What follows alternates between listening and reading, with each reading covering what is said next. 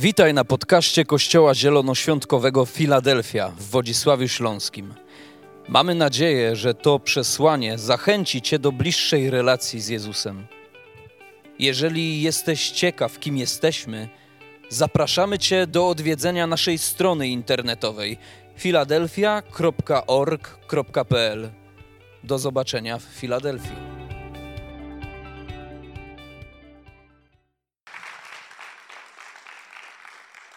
Dzień dobry. Szaleni jesteście. Szaleni jesteście bardzo. Cieszę się, że mogę z wami tutaj być. Próbuję się pozbierać po uwielbieniu, więc nie zwracajcie uwagi, że mnie przemieliło. Jest fajnie. Cieszę się, że jesteście. Witam tych, których poznaję po twarzach. E, dzień dobry też wszystkim, którzy są pierwszy raz i z którymi się nie znam. E, chciałem zaznaczyć, że, że całkowicie za to wszystko, co się dzieje, chwała Bogu. E, I, I On jest najlepszy i On jest tym, który te wszystkie rzeczy aranżuje. Amen. Chciałbym, wiecie, powiedzieć wam taką małą historię tego, jak to jest, że ja tu dzisiaj jestem. Bez wielkich szczegółów, ale tak mniej więcej, żebyście wiedzieli o co chodzi. Tak jak pastor Arek mówił, my mieliśmy konferencję w Czechach. E, wczoraj się naprawdę działo. E, był niezwykły czas i kiedy ta konferencja była zaplanowana już wiele miesięcy temu, i ja sobie tak zrobiłem w kalendarzu taką przestrzeń, że w niedzielę, właśnie tą, ja nigdzie nie usługuję. Ja chciałem odpocząć. E, wszyscy wczoraj wrócili do Warszawy, którzy byli. Tam było około 20 chyba osób z Warszawy, które do, dołączyły do tego wydarzenia w Czechach. I ja miałem decyzję, czy wracać z nimi wczoraj do Warszawy i być w Warszawie w Nowczerć i czy to usługiwać, czy nie, czy wrócić do domu, czy nie. I postanowiłem, że nie wracam, że zostanę sobie czy to w Czechach, czy to gdzieś tu po stronie polskiej i odpocznę. Ale później sobie powiedziałem, nie pamiętam odkąd się nawróciłem, żebym w jakąś niedzielę nie był w kościele, więc tak dziwnie to wymyśliłem, więc powiedziałem sobie, pójdę gdzieś na tak zwane odświeżenie. Sobie odpocznę, e, poprzyjmuję e, i będzie fajnie. No i oczywiście zagwostka była pomiędzy trzema kościołami po stronie polskiej, e, to znaczy Rybnik, Wodzisław, Jastrzębie. E, Urimutim przed Panem położyłem. E, wiecie, w Starym Testamencie była taka wzmianka o Urimutim, oni kładli przed Panem i to trochę orzeł reszka.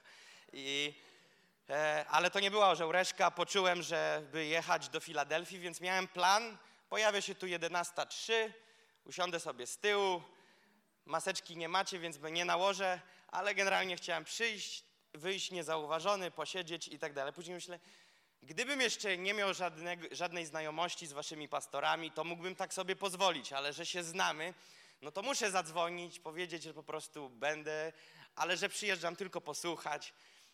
No i wiecie, jaka była odpowiedź pastorarka? No to może usłużysz. To może usłużysz. E, I chcę wam powiedzieć, zgodziłem się nie dlatego, że wypadało się zgodzić, ale zgodziłem się, to głupio brzmi trochę, zgodziłem się, ale przyjąłem to zaproszenie, dlatego że nie można sobie odpuścić możliwości głoszenia w kościele Filadelfia.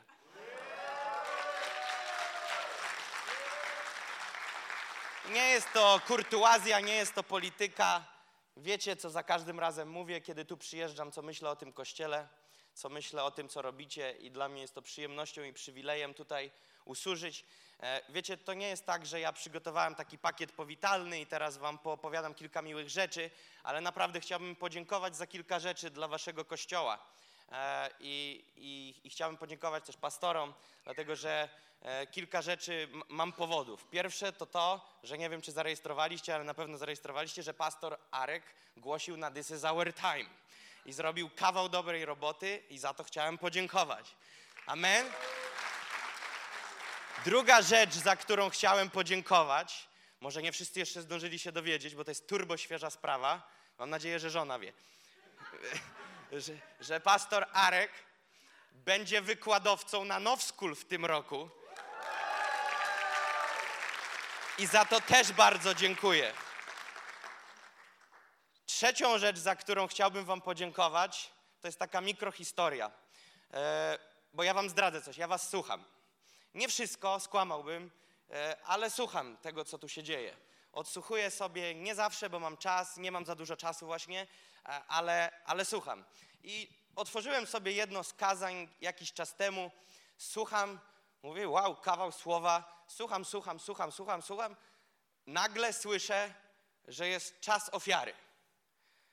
I słyszę, jak pastor Arek zapowiada ofiarę i mówi, ale dziś tą ofiarę zbierzemy na Nations on Fire. I ja, jak ja to usłyszałem, ja po prostu sam do siebie w pokoju powiedziałem, what? Co? Tak pamiętam swoją reakcję, jak co? To nie było ani obgadane, ani wiecie, pastor Arek nie powiedział, wiesz, będziemy zbierać ofiary na Nations on Fire. W ogóle nie było w tym jakiegoś takiego transakcyjnego układu.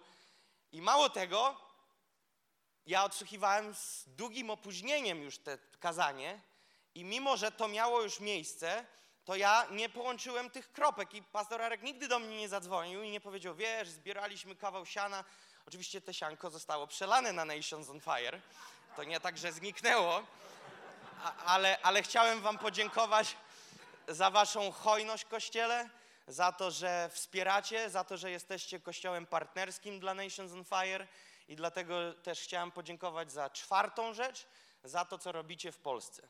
Za to, co robicie, za te konferencje Dotyk Nieba, e, bo nie wiem, czy wiecie, ale ja też mam możliwość później słyszeć na zewnątrz, że ktoś był, się zapalił, powiózł to dalej i tak dalej, i tak dalej. Więc to jest takie trochę niepoliczalne e, i, i to jest coś, co ma miejsce e, i to jest dobre. Amen. Więc słuchajcie, teraz tak w pakiecie za wszystko, co do tej pory się wydarzyło, oddajmy mocne oklaski Jezusowi.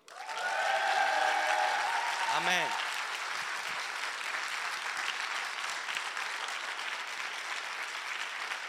Amen. Chwała Ci, Panie. Chwała Ci, Panie. Jest. Amen. Słuchajcie, dzisiaj jestem jak taki prawdziwy kaznodzieja old school. Mam tylko Biblię. Mam tylko Biblię, to jest mój rekord. Mam dzisiaj Biblię, e, mam dzisiaj e, 17 wersetów, żartuję. Nie, nie. Słuchajcie, ja mam dzisiaj konkretny fragment z Biblii, który mi przyszedł, aby głosić w tym miejscu.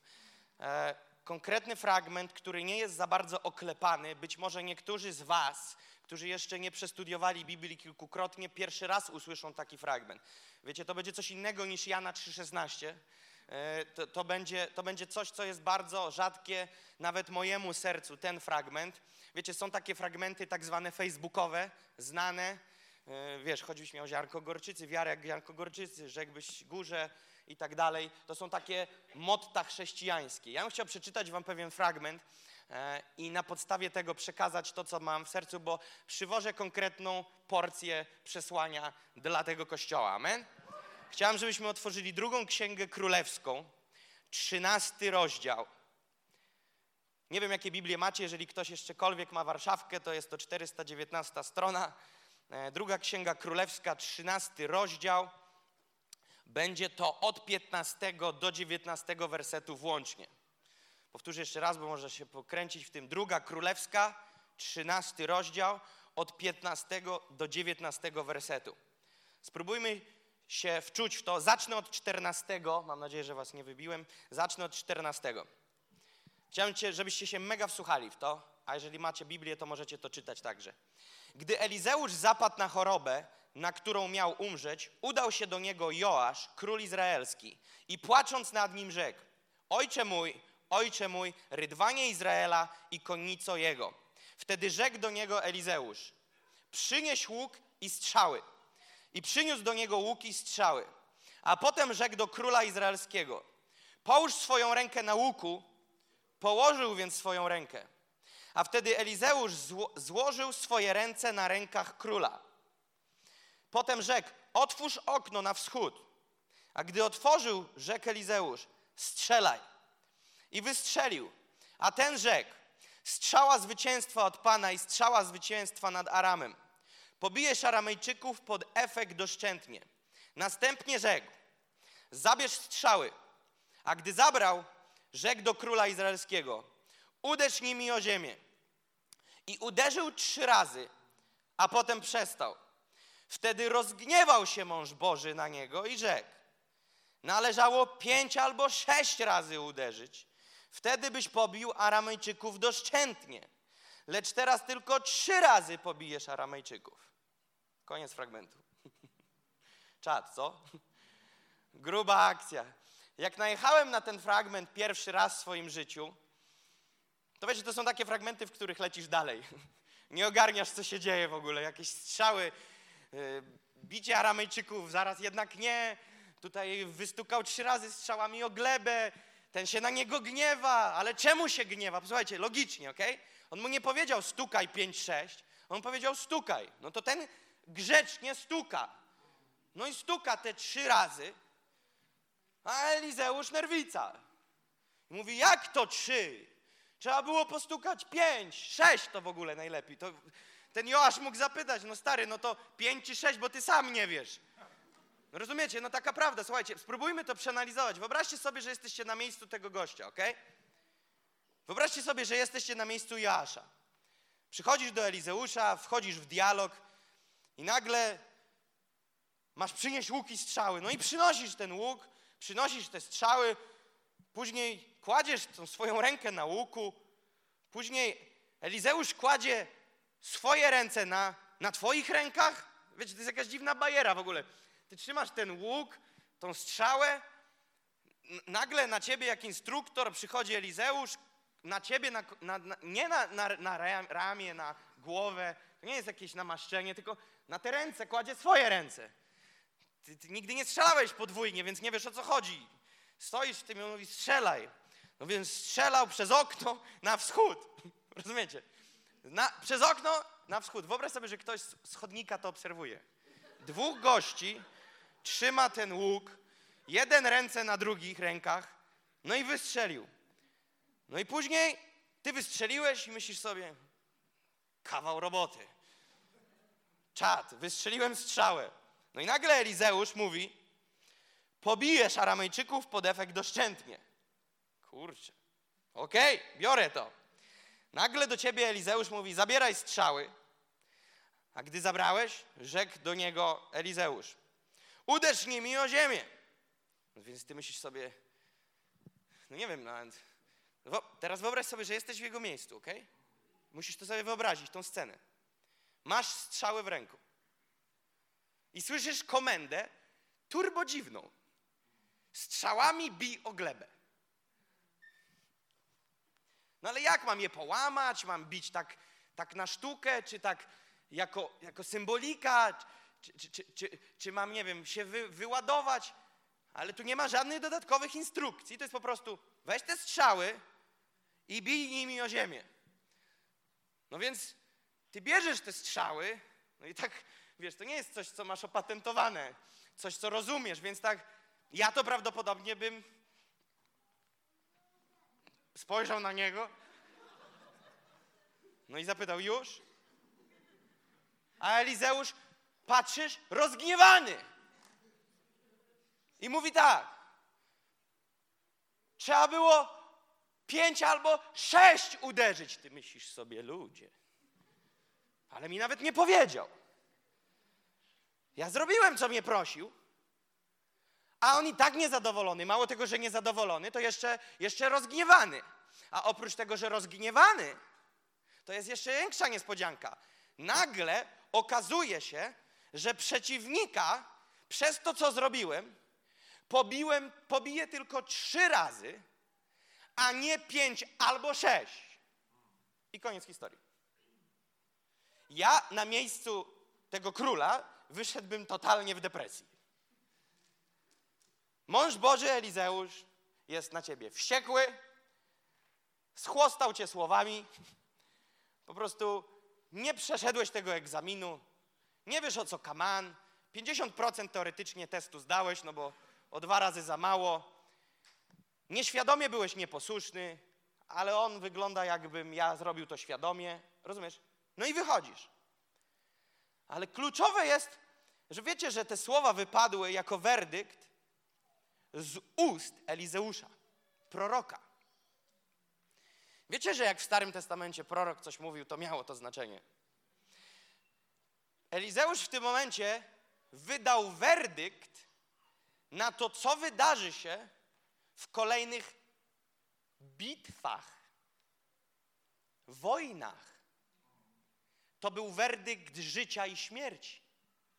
Mówi: trzy razy wygracie, ale na tym będzie koniec, bo tylko trzy razy postukałeś strzałami o ziemię. Ja bym na miejscu tego Joasza powiedział, ty no ale gdybym wiedział, że ilość stukań o glebę będzie wpływało na życie ludzkie, to ja bym chłopie bił do wieczora. Ale co mi ta historia pokazuje? Że Joasz nie był świadomy, że to, co robił, było pewnego rodzaju sianiem i zapowiedzią tego, co nadejdzie w przyszłych dniach. On nie był tego świadomy, jaką wagę w tym momencie miało to, co robił w tak zwanym dziś. Nie zdawał sobie sprawy, że to, co robi dziś, to jest sianie w jutro. I oprócz tego, że nie zdawał sobie z tego sprawy, nie był świadomy, jak, jako, jaką wagę owocu i tego plonu będzie miało to, co się dzieje dzisiaj. Wiecie, my sobie w takich kluczowych rzeczach, my umiemy sobie postrukturyzować, sami sobie strukturyzujemy w głowie, co jest ważne, co jest mniej ważne, co jest najważniejsze, co jest totalnie nieważne. I w obszarach, w których uznaliśmy coś za ważne, staramy się o dyscyplinę, sianie, yy, o właściwą inwestycję, rozwój, yy, uczenie się, ale w obszarach, w których uznajemy, że nie są istotne, odkładamy to sobie do boku i mówimy sobie, to nie jest takie ważne, nie siejemy. I prawdopodobnie Joasz sobie pomyślał, to nie jest jakieś ważne, bić strzałami o ziemię, to jest jakieś takie dziwne polecenie, no to na dziwne polecenie ja dziwnie zareaguję, postukam sobie trzy razy, no i, i koniec. I nagle Elizeusz mówi, wiecie, ja bym to odebrał w ten sposób. Mam kłopot. Mam kłopot, bo gość mi zapowiedział, że ja nie pobiję wojsk przeciwnych pięć, sześć razy. Oznacza to, teraz uwaga, jesteście gotowi na to? Oznacza to, że ilość zwycięstw została objęta limitem.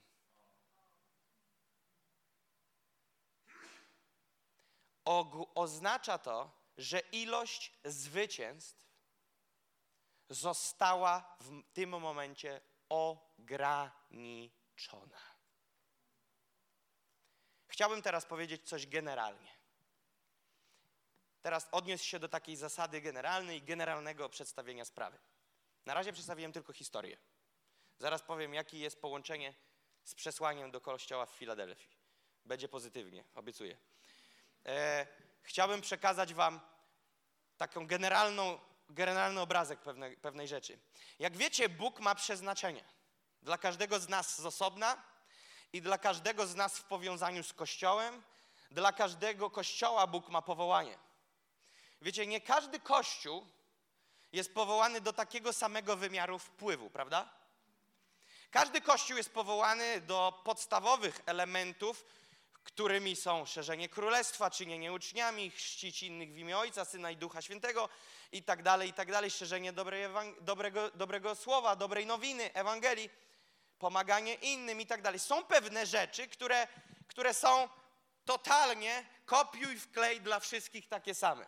Ale jeżeli mówimy o wymiarze wpływu, to zakres wpływu nie jest udzielony i przeznaczony dla wszystkich taki sam. Biblia mówi w jednym miejscu, że postępujcie na miarę wiary. Widzicie to? Oznacza to, że ktoś może wychylać się poza miarę wiary, w której chodzi. Oznacza to, że możesz mieć capacity, możesz mieć zdolność do uniesienia 60 kilo, ale ty powiesz sobie, nie, nie, nie, ja jestem zdolny unieść 100 kilo i te 40 jest ponad miarę tego, co jesteś w stanie unieść. W twoim życiu, jako jednostki, możesz mieć obdarowania, możesz mieć poziom namaszczenia. I teraz mądrością jest poruszać się w zakresie namaszczenia, które masz. Kiedy wychodzisz poza ramy namaszczenia, wychodzisz poza ramę tego, w czym jesteś powołany, aby operować, i nie ma już tam tego prądu, który jest w obszarze, w którym masz to namaszczenie. Wiecie, wielka wojna była, kiedy założyliśmy kościół, że ja wyskoczyłem poza ramy swojego namaszczenia. Zderzyłem się z tym, to była wojna, która trwała ponad rok w Polsce. Musiałem się zderzyć z mocną ścianą i z oskarżeniami, że już jest po mnie. Że wyszedłem poza ramy swojego namaszczenia, bo jestem ewangelistą. Ewangelista nie powinien zakładać kościoła i nie powinien prowadzić kościoła. Decyd, kropka, po, po mnie. Dostałem już werdykty, że dobrze się zapowiadało, ale właśnie nastąpił koniec, że zepsuję tych ludzi, którzy dołączą do tego kościoła, plus rozwaliłem ewangelizacyjny dar, który Bóg mi dał. Werdykt zapadł z wielu ust. Tylko pytanie moje, czy Bóg tak zdecydował?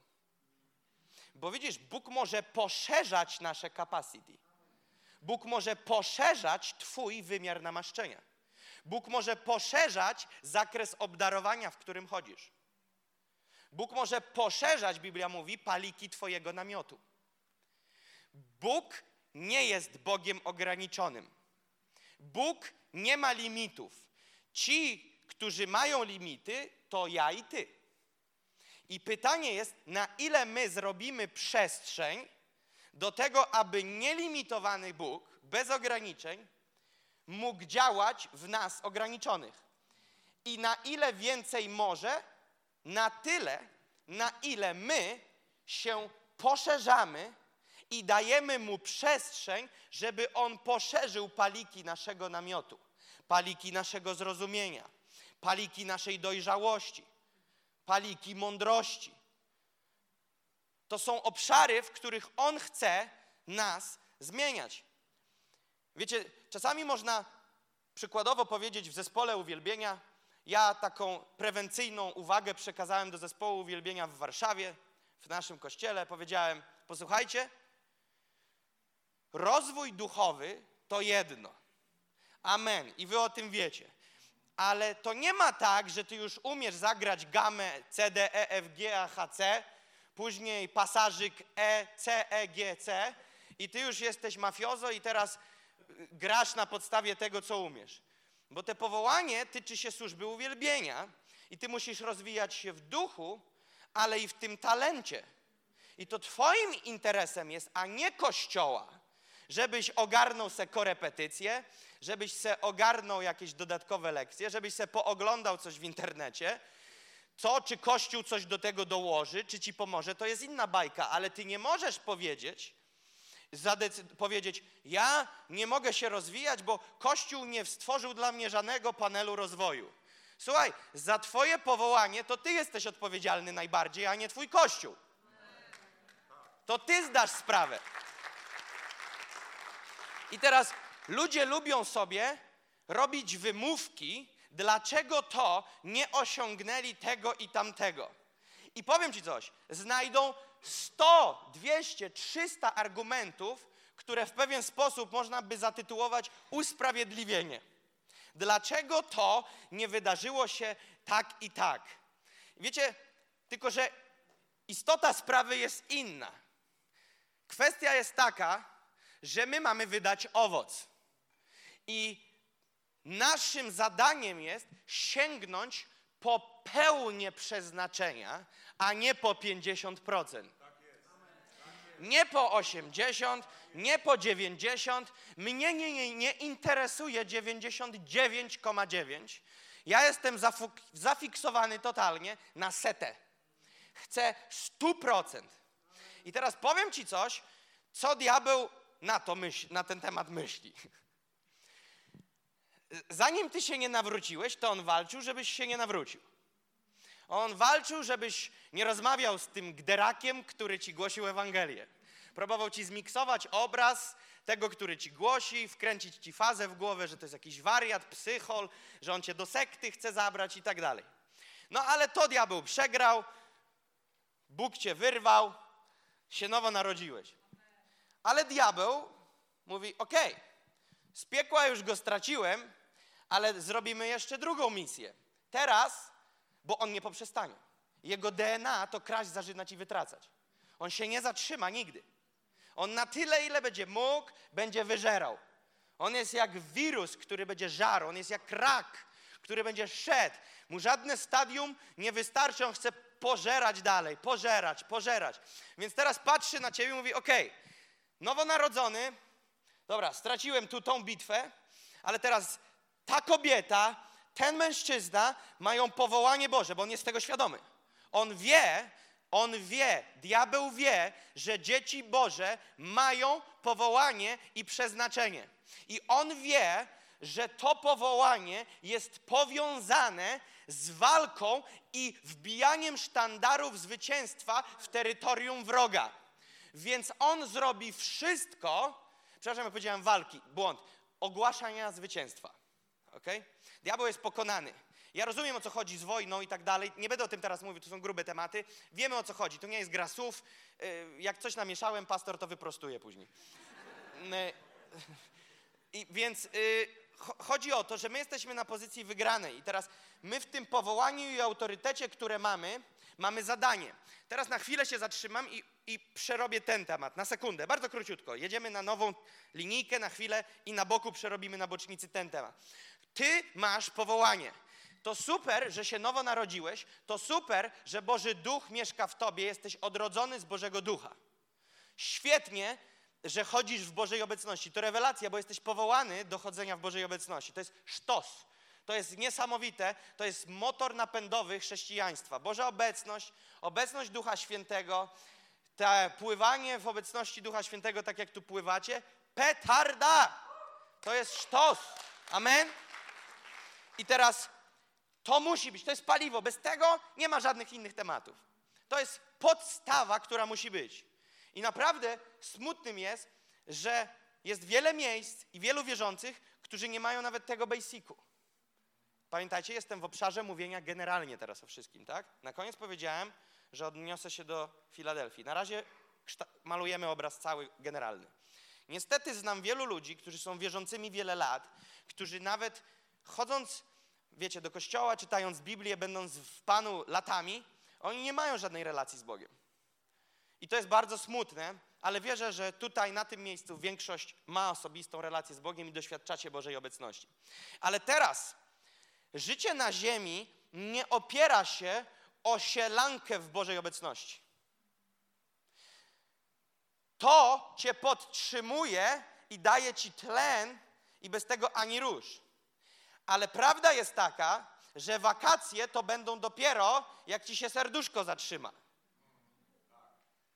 Teraz nie jest czas na wakacje, teraz jest czas na robotę. My pielgrzymujemy, mówił Paweł. My pielgrzymujemy. My nie jesteśmy stąd. To nie jest nasz dom. Nie jesteśmy z tego świata. Tam jest nasz dom. To nie jest nasz dom. My tylko tu jesteśmy przechodniami. Ja jestem przechodniem przez Czechy, wyjechałem z Warszawy, jechałem, byłem przechodniem przez trasę S8, później A1, dojechaliśmy do Czech. Byłem przechodniem w hotelu w Ostrawie, byłem przechodniem na konferencji, jestem przechodniem w Filadelfii. Ale uwaga, jak dojadę do Warszawy, to nie dojadę do domu, jestem przechodniem w Warszawie. Później pojadę do kolejnych miejsc. I może będzie obok mnie rodzina, może nie. Może będę w mieszkaniu, które wynajmuję, może nie. To nie jest dom. My nazywamy to dom, oczywiście, no bo nie będziemy zwariowanym, wari- wiecie, w klimacie typu o, świetny masz dom. Nie, to nie mój dom. Wiecie, jesteśmy też, chodzimy po tej ziemi i musimy łapać kontakt z rzeczywistością, wiecie. Nie, nie, nie, droga sąsiadko. Widzisz, od razu rozpoznaję, że nie jesteś nowonarodzona.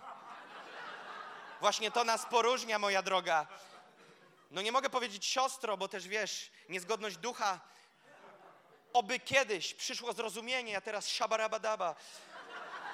Niech to przyjdzie objawienie, że to nie jest twój dom. 77 przez 7 to nie jest twój dom. Rozumiecie? Odlot. I niektórzy niestety tak odlatują. Niestety niektórzy tak odlatują.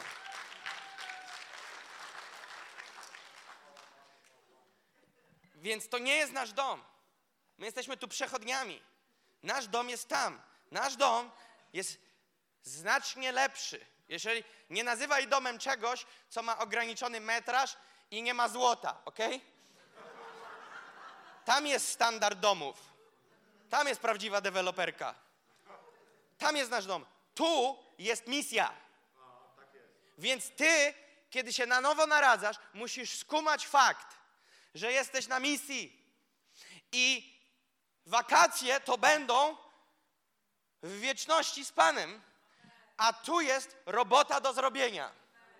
I teraz to tak działa, na ile ja to rozumiem, a jeżeli źle rozumiem, to pastor później naprawi, że kiedy ty jesteś, kiedy ty wchodzisz w rodzinę królewskiego DNA, czyli wchodzisz jako dziecko Boże do Bożego Królestwa, stajesz się dzieckiem Bożym poprzez nowonarodzenie, to nad twoim życiem jest powołanie Boże. Widzisz, Boży plan był już wcześniej, ale ty nagle kumasz, o, jest jakieś powołanie. Może w ogóle nie wiesz tego jeszcze, to się dowiesz. Jest powołanie, Bóg ma plan. I teraz to, co ja odkrywam, tu też jak namieszam, pastor to naprawi, to, że powołanie ciebie jako jednostki jest bardzo powiązane z powołaniem Kościoła. To nie jest tak, że powołanie indywidualne sobie możesz umiejscowić, gdzie chcesz. To jest fikcyjne i zwiedzone nauczanie. I to może, jeżeli ktokolwiek tak myślał, to może być to spowodowane po prostu niewiedzą i wtedy jesteś bardziej usprawiedliwiony. Ale niektórzy myślą, że Kościół nie jest potrzebny, że lokalna społeczność nie jest dla mnie potrzebna. Słuchaj, to nie jest Twój pomysł ani mój, i to nie Ty i ja decydujesz. To Bóg to tak poaranżował, On jest architektem i On to tak wymyślił, nie my, i nasz cel nie jest wszystko zrozumieć, tylko być poddanym. I naszym zadaniem jest zrozumieć, że powołanie Twoje jest stricte powiązane z powołaniem Kościoła. Więc tu taka anegdotka kolejna na boku, to już druga bocznica, że kościoła się nie wybiera, bo jest bliżej z przystanku, bo jest większy parking, bo w kawiarence lepsze latę robią, bo tam na szkółce dzieci lepiej się czują, bo tam koleżanki mamy i tak dalej. Nie, nie, nie. Kościół się nie wybiera tam, gdzie lepsze uwielbienie, cichsze, głośniejsze. O, mnie oczy bolą, to świateł nie ma w tamtym, to pójdę tam. Nie, nie. Kościół się wybiera, rozumiejąc, że to jest grunt, na którym ty jako nasienie Boże wydasz owoc. I ono jest powiązane z kościołem lokalnym. Nie ma rozdwojenia. Ty nie możesz sobie, wiecie, niektórzy do mnie mówią, zmieniam, słyszałem takie historie. Wiesz co, postanowiłem zmienić pracę. Moje pierwsze pytanie jest do osoby wierzącej, co z kościołem? Wyjeżdżasz do innego miasta, tak? Za pracą. Okej, okay. ale poczekaj, to cię niesie teraz praca do innego miasta? Szkoła? Uczelnia? Chyba, że jeżeli, daj Boże, w parze idzie to, że tam jest kościół, do którego Bóg cię zabiera, to aleluja. Ale pamiętaj, że nie wejdziesz w pełnię swojego przeznaczenia, jeśli będziesz w niewłaściwym miejscu.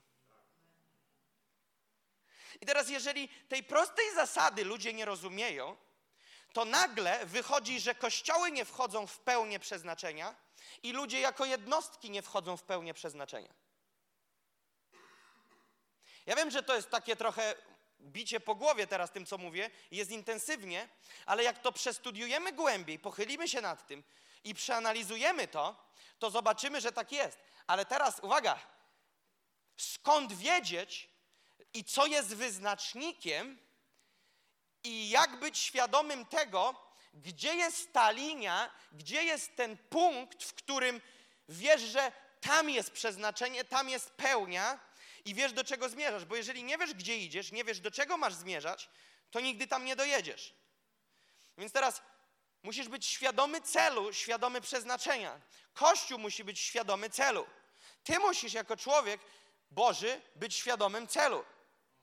Każda służba musi być świadoma celu. Zespół uwielbienia musi być świadomy celu, co chce, aby się działo, kiedy uwielbiają Pana.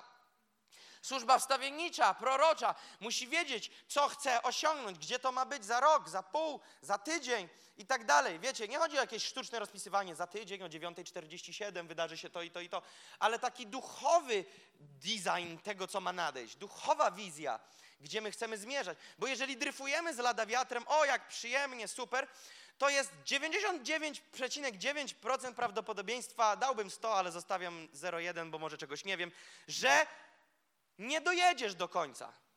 Nie dojedziesz do pełni przeznaczenia. I mamy dzisiaj masę, nie boję się tego powiedzieć, ogromną większość ludzi nowonarodzonych, którzy sobie fruwają dryfują jak latawce i jest im fajnie, ale nie dochodzą do 100% i nie zmierzają w kierunku 100%. I jest też masę kościołów, które 10 lat temu wyglądają tak samo pod każdym względem jak dzisiaj. Rozumiecie? Się niczym nie różni. Nie ma świeżego oleju, nie ma świeżego powiewu ducha, nie ma świeżej służby. Wiecznie łupanie tych samych piosenek, wiecznie te sam zapowiadanie, wiecznie ten sam ziew na ofierze, wiecznie te same niskie ofiary, wiecznie te same niezadowolenie po nabożeństwie, wiecznie brak nawróceń, wiecznie brak rozwoju, wieczne gderanie i tak ciągle z tymi mikrogoliatami toczymy jakąś wojenkę, której nie widać i ciągle jakoś tak bezowocnie. Ja w to nie wierzę. Ja wierzę, że jeżeli łapiesz Boży wiatr, to nie powiesz mi chyba, że wiesz co, taki plan rozwoju przeznaczył nam Pan. Zobaczcie, ja nie mówię, że każdy kościół jest powołany, żeby mieć 500, 1000, 2000 ludzi. Ja nie mówię w ogóle o liczbach. Ja mówię o, o tendencji rozwojowej. Ten rozwój może przejawiać się przeróżnie, w przeróżnych okolicznościach i, i segmentach i obszarach.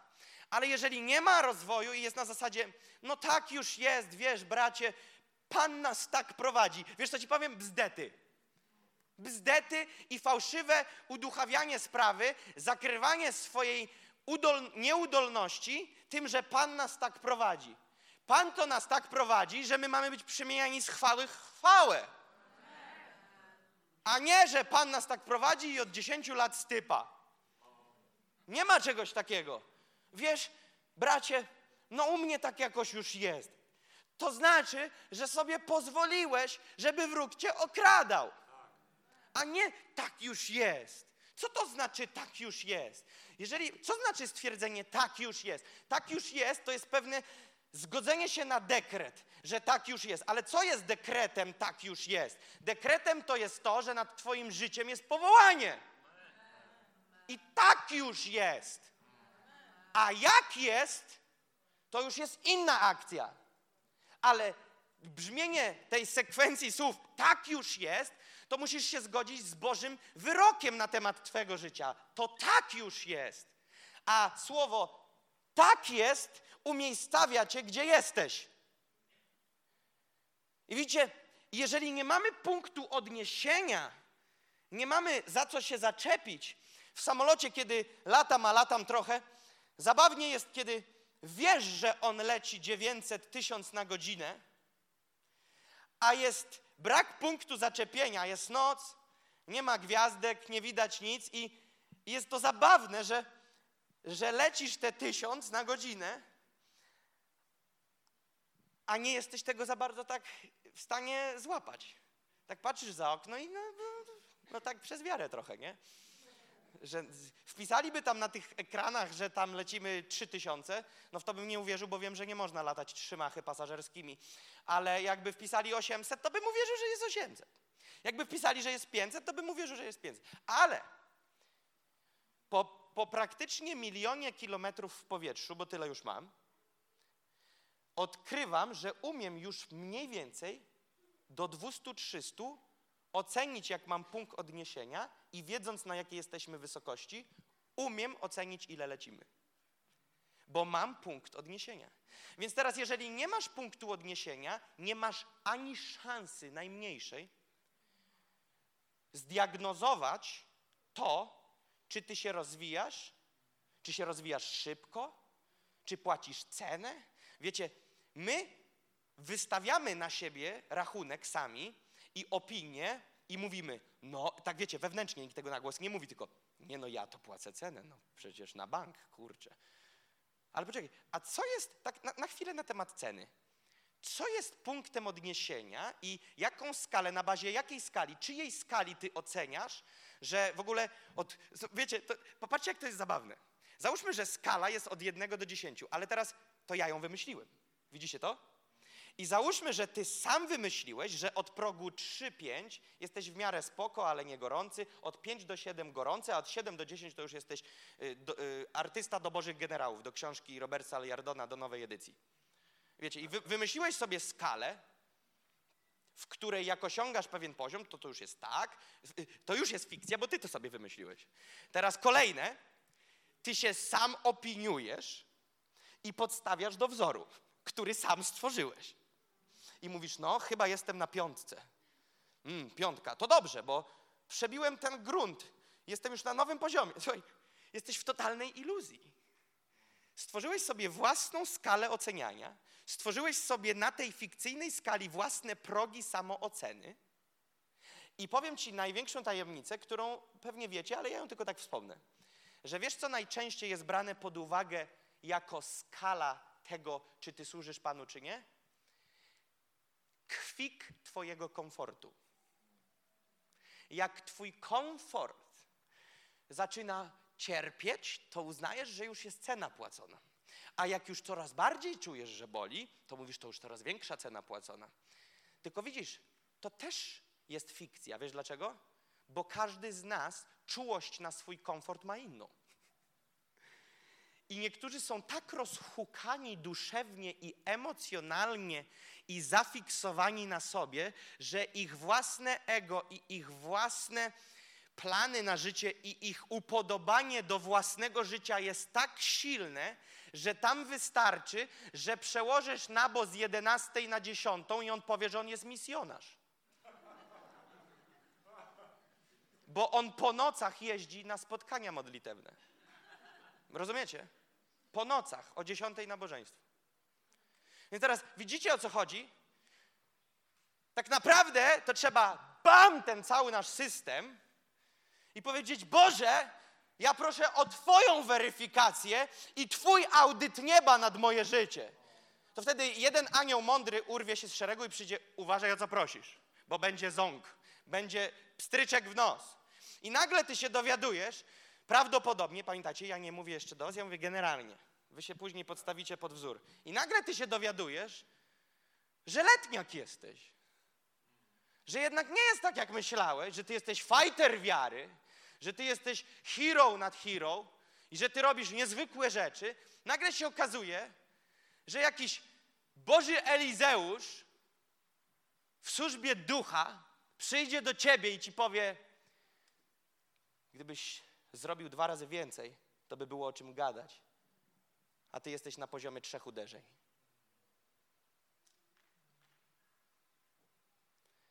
Ale wiecie, co dzisiaj świat chrześcijański mówi?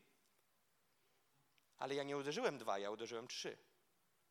Znajduję sobie kogoś niżej, na czyich plecach może stanąć i powiedzieć, ale my jesteśmy tu. Jesteśmy znacznie ponad przeciętną. Jest już super. Uff, człowieku, a widziałeś tamtą siostrę? Zobacz, a u mnie troszkę inaczej, nie? I nagle mówisz, nie patrzysz, że masz trzy i załamujesz się, bo było do zdobycia sześć. Nagle mówisz, ty, mam trzy, a inni mają dwa. Ty, ale ty się tym usprawiedliwiasz, a ja na twoim miejscu to bym krwawił. Ja bym krwawił, gdybym dowiedział się, że było do zrobienia sześć, a zrobiłem trzy. I teraz, jako Kościół, w którym przebijamy przeciętne. W życiu prywatnym, kiedy przebijasz przeciętne, wiecie, jest tak zwana średnia krajowa, nie? Jest średnia krajowa w duchu. W momencie, kiedy przebijasz średnią krajową w duchu, masz automatycznie pocisk iluzji wysłany przez wroga. Wiecie, ja w ogóle nie miałem nic przygotowanego oprócz tego wersetu. Wszystko, co do was mówię, jest flow. Z tym pociskiem iluzji też jest flow teraz idzie, kiedy przekraczasz średnią, średnią krajową duchową, czy to ty jako jednostka przekraczasz średnią kościoła, rozumiesz, nagle czujesz, że jesteś lokomotywą w kościele. Oczywiście Duch Święty jest, wiem, teologicznie znamy to, ale przekraczasz tą linię i wiesz, czujesz, że część ludzi jest tu beneficjentami, a ty jesteś ten, który pcha wózek, rozumiesz? Nagle automatycznie, jeżeli przekraczasz w czymkolwiek linię przeciętnej, średniej, dostajesz od wroga pakiecik prezenta, prezentacyjny taki, pół, iluzja, która leci do ciebie, spocznij na laurach, jest już super. Zobacz, pastor jest z siebie zadowolony, twój mąż widzi poprawę, dzieci mówią, że rodzice jacyś inni I wiesz co? I to jest super. I to ma być zauważalne i ty masz być tego świadomy. Ale pamiętaj, rogaty, Biblia mówi, chodzi wokoło jak lew ryczący i czyha, aby pochłonąć. I on chodzi i patrzy, że ty się rozwijasz. Więc co robi? Mówi, szykuj mu tam działo. Wyślij mu pocisk. Wbij mu takiego wirusa, żeby on przestał się rozwijać. I ty nagle dostajesz samouwielbienie. Mm. Nagle dostaniesz grono chwalców, którzy ci powiedzą: Uuu, bracie, siostro, ludzie, jaki u ciebie widać rozwój. I, i diabeł mówi: pompuj, tuninguj mu, tuninguj mu ten pocisk, tuninguj mu to, tuninguj mu te słowa, bij mu w głowę. Niech idzie w, by, w, w byt, y, butę. Niech idzie w butę, niech idzie w pychę. Niech się wzbija. Pchaj go w tą stronę. Jak go tam zepchniemy, to później pycha chodzi krok przed upadkiem. Mamy gościa. Dotankuj go jeszcze trochę. Daj mu ego, poślij mu jakichś duszewniaków. Wyślij mu jakichś duszewnych ludzi z kościoła. Niech myślą, że mają jakieś sny. Wkręci im jakieś jazdy na głowę. Niech mają sny, że on jest już drugim Elizeuszem w kraju. I nagle przychodzisz do, na nabożeństwo, trzy osoby mają do ciebie widzenie już. I mówią, jesteś wypełnieniem się modlitw dla tego regionu. Rozumiesz? Nie chodzi o słowa, bo, bo mogą być w Bożym duchu do kogoś wypowiedziane jako te właściwe. Ale chodzi o to, że nagle pożerka, rozumiesz? I twoje. Mm, I ty nagle. Nie no. Dzisiaj wieczorem, no zawsze była zgodnie z rozpiską modlitwa, ale dzisiaj to chyba szabat. Na Netflixie. Szabat na Netflixie. Ty, szabat na Netflixie, to się w ogóle nawet nie, za sobą nie łączy. I mówisz, odpocznę sobie. Nie, nie, ty sobie pofolgujesz na Netflixie, ale nie mów, że to jest odpoczynek, bo prawda jest taka, że wychodzisz bardziej zmęczony, jak dobrze to przeanalizujesz. Jak to tak głębiej przeanalizujesz, to dajesz po prostu sobie luz. Ja nie mówię, że Netflix jest od diabła, rozumiecie? Ale nie myl oglądania filmów z szabatem. To chyba, że... O, nie idźmy w legalizm. Okay. i teraz wracam do podstawy. A więc Kościół Filadelfia ma powołanie. Myślę, że nie będę się wstydził, nie, ja wiem to, że nie będę się wstydził, ale to mówię, i nie będę się odkręcał od słów i wiem, że jest streamowane. I aleluja. Takie mam zdanie na temat Filadelfii, to jest moje, a ja nie chcę gadać moich zdań i wierzę, że Duch Święty to potwierdza. Przekroczyliście przeciętną. Przekroczyliście linię przeciętności średniej krajowej. Przekroczyliście ją jako Kościół, przekroczyliście ją w regionie. Przecieracie szlak. Nie, nie pasuje wam jak jest, chcecie więcej. Wołacie o więcej. Modlicie się o więcej. Macie szalonych pastorów, którzy chcą więcej. Wy jesteście wszyscy szaloni, bo jesteście w tym kościele. Więc chcecie więcej. Tylko widzisz, musisz wiedzieć, że im wyżej jesteś, tym większy wiatr wieje. I im po więcej chcesz iść, tym musisz zrozumieć, że wprost proporcjonalnie do wzrostu, w którym idziesz, wiatr ze strony wroga będzie się wzmagał. Tylko ten wiatr wroga ma specyficzną jedną cechę. On działa w sposób, który ma być niezauważalny. Celem działań wroga, tak jak powiedziałem, jest okraść z pełni. Jeżeli wróg będzie miał możliwość w skali od 1 do 10, jeżeli dycha to pełnia przeznaczenia, jeżeli będzie wiedział, że nie da was rady ograbić do ósemki, ale do dziewiątki, to i tak powalczy o dziewiątkę. On nawet jakby się dowiedział, że z 10 jest w stanie zbić na 9,9, to będzie walczył o tą jedną dziesiątą. On zrobi wszystko, żebyście nie doszli do pełni przeznaczenia. Dlaczego? Bo wie, że jesteście niebezpieczni. Bo wie, że jesteście niebezpieczni w tym powołaniu, które Bóg wam dał. Bo widzicie, te słowa prorocze, które się tu wypowiada, te obietnice nad tym kościołem, kazania, strona ciemności je słyszy. I jest ich świadoma. Jest w pełni świadoma. I oni reagują. Strona ciemności reaguje. I teraz pytanie, które my sobie zadajemy w Warszawie, ja sobie zadaję. I chciałbym podzielić się tymi pytaniami. Czy ja jestem świadomy, jakie to wiatry, jak one pachną, skąd one idą, skąd idzie zagrożenie, jak to wygląda? I ja chcę skupić się na tym jednym, że to jest to słowo, które przyszło. I ja wierzę, że to jest słowo motywacyjne do tego, abyście jeszcze docisnęli gazu. Że jesteście w miejscu, w którym Bóg mówi: weź strzały i uderz o ziemię. I teraz się rozgrywa. Ile razy uderzycie? Teraz jest, odczuwam to, odczułem to już jak tu byłem ostatni raz. W zeszłym roku. W maju to było chyba. I czuję to samo teraz. To jest bardzo ważny okres w waszym życiu, w życiu Kościoła. I wiecie, może część z was mówi, o czym on gada? Jest petarda. Właśnie o to chodzi, że kiedy jest petarda, wtedy przychodzi niespodziewanie największy szot z za rogu.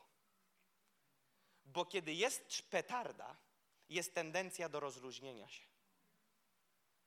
Wiecie, rozluźnić byście się mogli, gdybyśmy znali datę, że jutro Pan Jezus o 12 przychodzi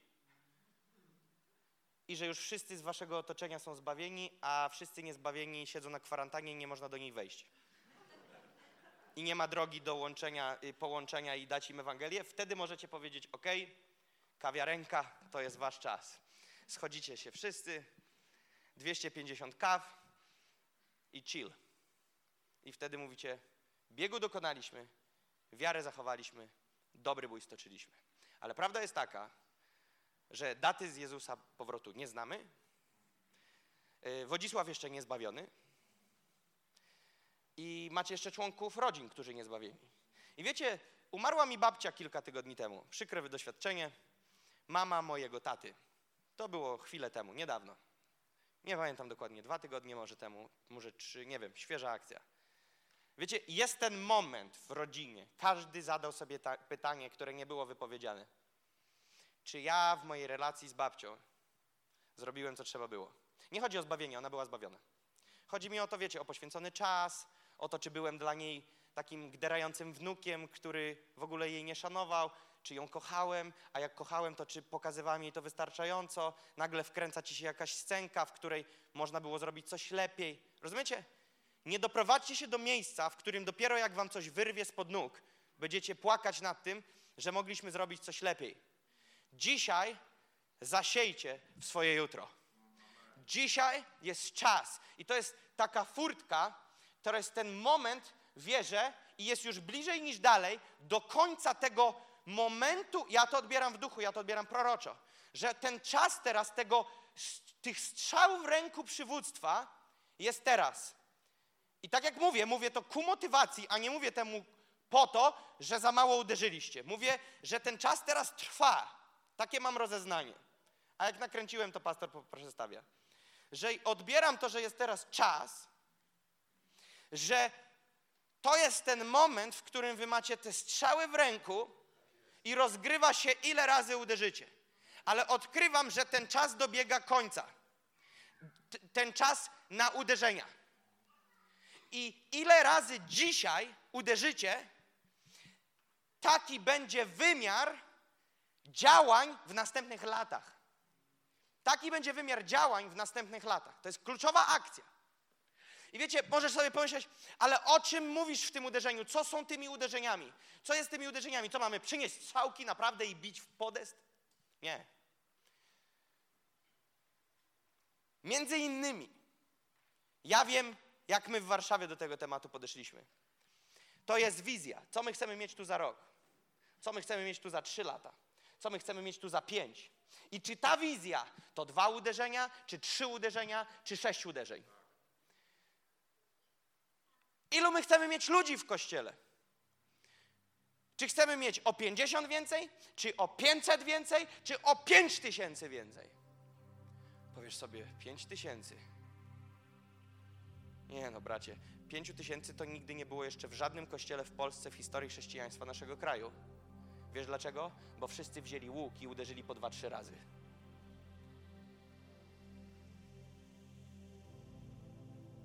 Sorry, mam gęsią skórkę, jak to mówię, ale Bóg szuka dzisiaj rzeźników. Bóg szuka dziś ludzi, którzy powiedzą, choćby przyszedł Elizeusz i powiedział uderz sześć, uderzę dwanaście, podwójnie. I będę bił, aż będę miał starte dłonie, sine nadgarstki i zbiję wszystkie strzały, a będę później bił pustą dłonią. Bo nie pozwolę sobie na koniec mojego wyścigu dowiedzieć się, że nie dobiegłem do mety. Bóg dzisiaj, możecie wierzyć lub nie, najprawdopodobniej jak ktoś nie uwierzy, to dowie się za kilkanaście miesięcy, kilka miesięcy, może lat dwa, trzy, nie wiem, nie znam dokładnej daty. Idzie gruba lufa w Europę. Idzie grube przebudzenie. Ja to głoszę gdziekolwiek jadę.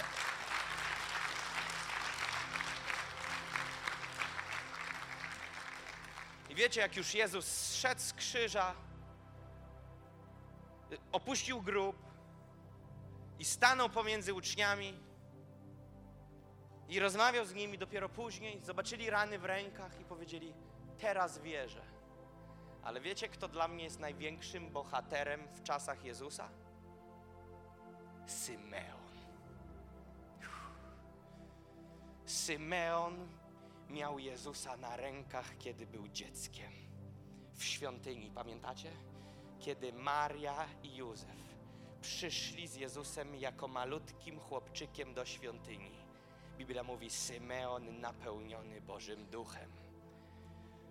Wziął dziecię na ręce i powiedział: Odkupienie Izraela.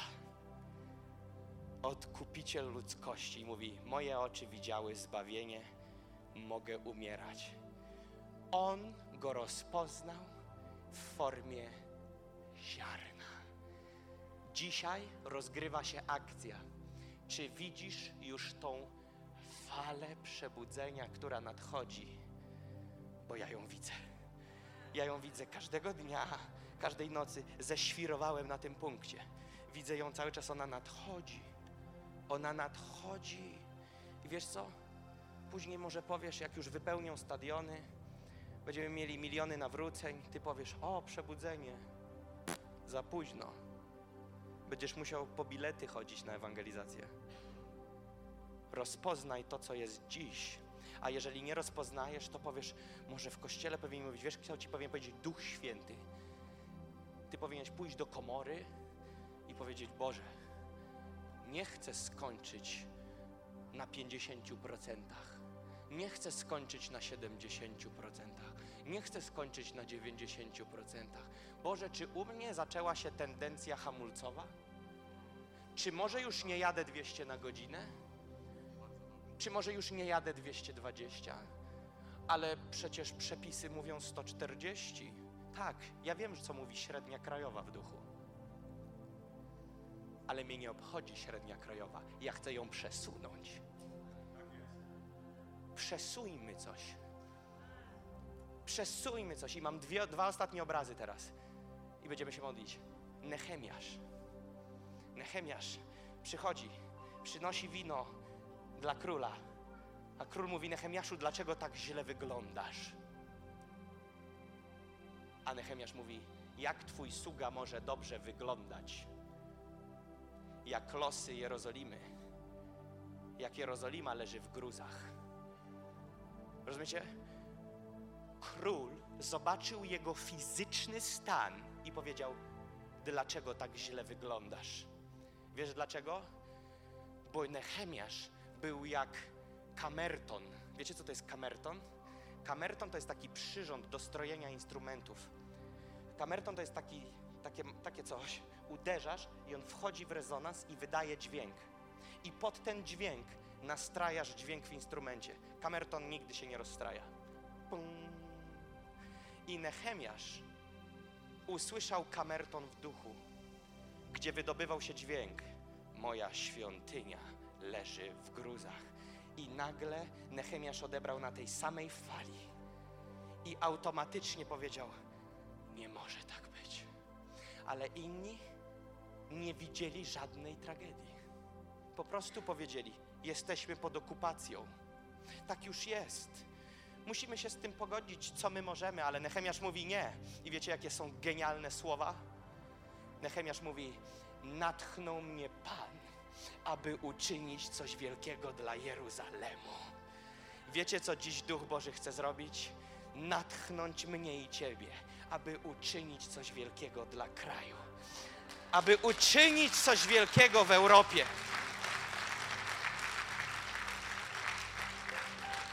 I drugi obraz, który mam, ciągle go widzę i nie mogę go zgubić, więc go powiem. W jednym z krajów, z historii słyszałem z pierwszych ust. Mieli kilkaset osób, walnęło przebudzenie.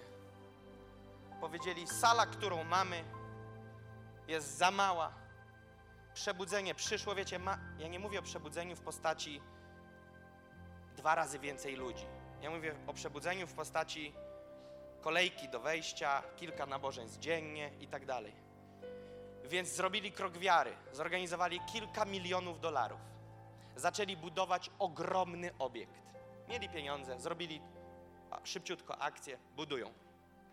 W połowie budowy okazało się, że budynek, który budują, jest już za mały. Już, który budowali, na hej, hej, hej do przodu za duży w połowie budowy, bez braku finansów, czyli to szło, odkryli w połowie, że to już jest za małe.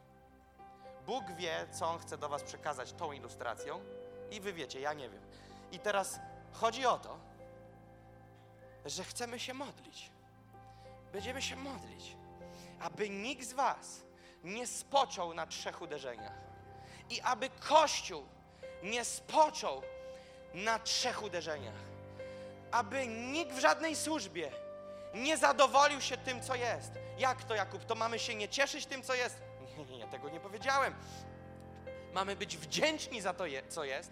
Musimy umieć świętować to, co jest. Bo wpaść w jakiś wir psychozy i fix do przodu i nawet nie umiemy się pocieszyć tym, co jest, to jest też chore. Byłem już w tym. Wiecznie fokus, więcej, więcej, więcej, jedziemy do przodu. Szybko, szybko. Bóg mówi tak, fruniemy na wariata, ale nie zapomnij wyciągnąć na każdej stacji jednego kamienia z dna Jordanu i ustanowić jako ołtarz dziękczynienia za to, co się dzieje, abyś później pamiętał, skąd cię zabrałem, dokąd.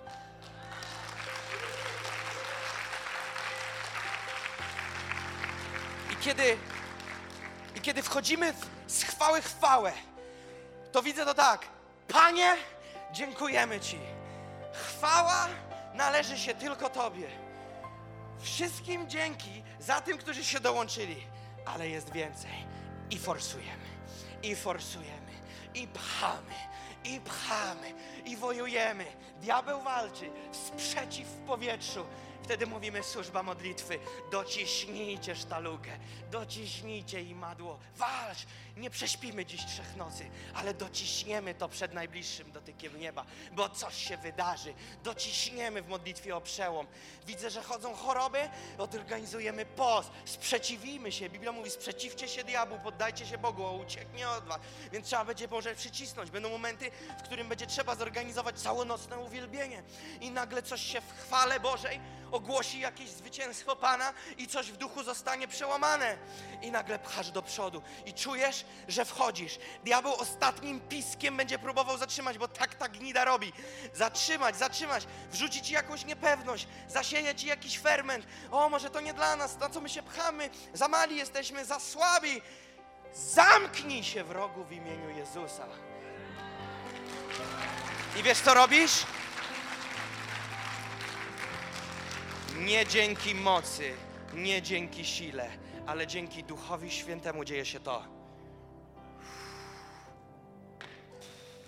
Nowy czas. Powstajmy, Kościół.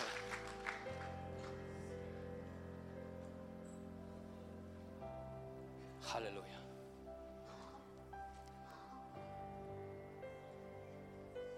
Wiecie, czuję, że jest potrzebne coś takiego jak modlitwa udzielenia, którą na początku ja poprowadzę, a później poprosiłbym, aby pastorzy. To jest bardzo ważny moment. Wiecie, słowo zostało wypuszczone, ale niech Duch Święty przyjdzie z pieczęcią. Niech Duch Święty przyjdzie z pieczęcią.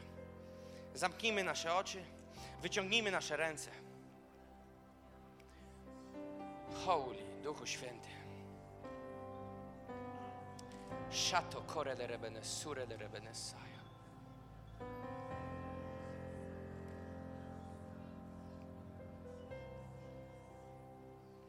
Kore de rebene saja.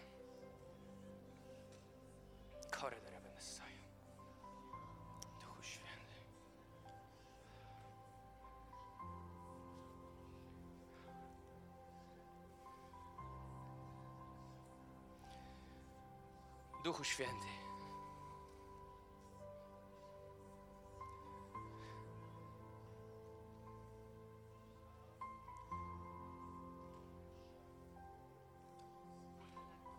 Niech stąpi na Twój kościół ponadnaturalne pragnienie parcia do przodu.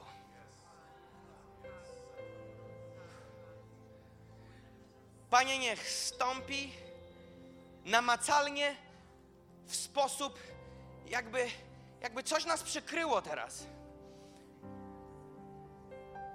Jakby brzemię rodzącej kobiety do tego,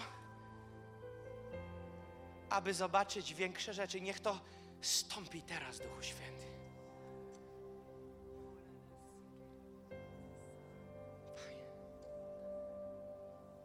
Duchowe płody. Duchowe płody. Duchowe płody. Panie, niech zapalą się jak żarzące węgle we wnętrzach. A następnie, Panie, tak jak to pokazujesz, niech pojawią się nowe wizje, nowe widzenia, elementy, w których potrzeba coś rozciągnąć. Niech to stępuje teraz, Duchu Święty.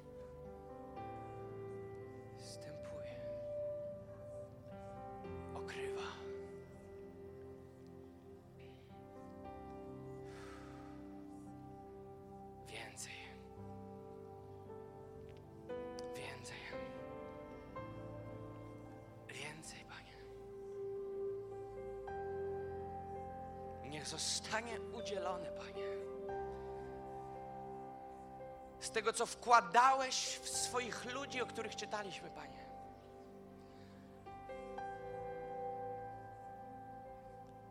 Daj nam cząstkę z Nehemiasza, Panie. Daj nam cząstkę z Elizeusza, Panie.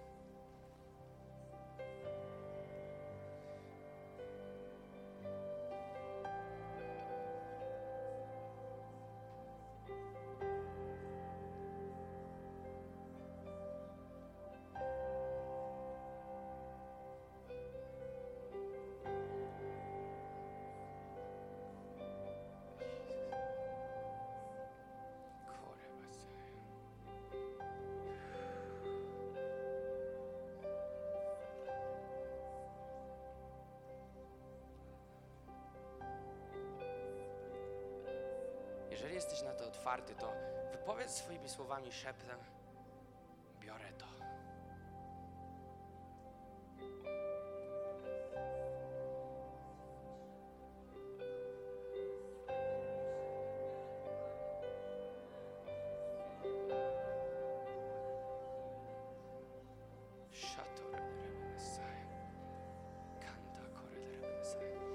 Panie, modlę się, aby ten Kościół wszedł w pełnię Twojego przeznaczenia. Panie, modlimy się, jeżeli jest coś, co w jakikolwiek najmniejszy sposób próbuje ich powstrzymać, my ogłaszamy, że to, co ukryte i tajemne, zostanie wykrzyczane na dachach. Panie, ogłaszamy, że oni sięgną po pełnię. Panie, ogłaszamy w Twoim duchu, że ten Kościół dotknie pełni, dotknie pełni, dotknie pełni w imieniu Jezusa. Panie, że każdy człowiek, każda Twoja owca, Panie, którą przyprowadziłeś do tego miejsca, Panie, w swoich obszarach, do których ich, Panie, przeznaczyłeś, będzie jak kamień, jak, Panie, kamień ku fundamentom do budowy Twojego przybytku, Panie. Każda osoba ze swoim obdarowaniem wszczepi się, jeszcze bardziej zespoli się, Panie, ku jednej wizji, jednemu celowi. Panie, ja modlę się o takie DNA indywidualizmu. Niech ono opuści w imieniu Jezusa. DNA indywidualizmu wśród kogokolwiek, jeżeli ktoś taki jest, który szuka swego, który próbuje użyć Kościoła jako platformy do rozwoju swojej służby. Niech to, Panie, wyjdzie jak najszybciej. Niech to wyjdzie jak najszybciej. Niech, Panie, przyjdzie Twoja czystość.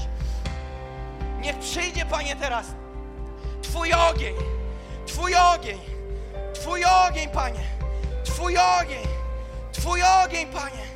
Niech nikt nie pozostanie obojętny na Twoje słowo, Panie. Od najmłodszej osoby w tym miejscu do najstarszej, Panie. Od najmłodszej do najstarszej. Niech, Panie, wszystko, co zaplanowałeś dla tego Kościoła, niech, Panie, czas, w którym będą bili strzałami, czas, w którym będą uderzać strzałami, niech będzie pełnią w imieniu Jezusa. Panie, ja modlę się też o ochronę nad tym Kościołem, Panie. O kopułę ochrony Twojego imienia, Panie, która jest, ale niech, Panie, staje się jeszcze większa. Niech, niech ten mur, niech ta łuna Twojej chwały nad tym miejscem się rozmnaża, Panie. Diable, Ty nie masz do nich prawa. My wiemy, że Ty będziesz próbował, ale my, Panie, wołamy o anioły, o zastępy anielskie nad tym kościołem, nad każdym członkiem tego kościoła i nad każdym członkiem rodziny, zbawionym bądź niezbawionym, z tego domu. Panie, o Twoich aniołów, o Twoich aniołów, o Twoją ochronę, o Twoją, Panie, ochronę, że ich noga nie zostanie zraniona. W imieniu Jezusa. Panie, niech to się dzieje.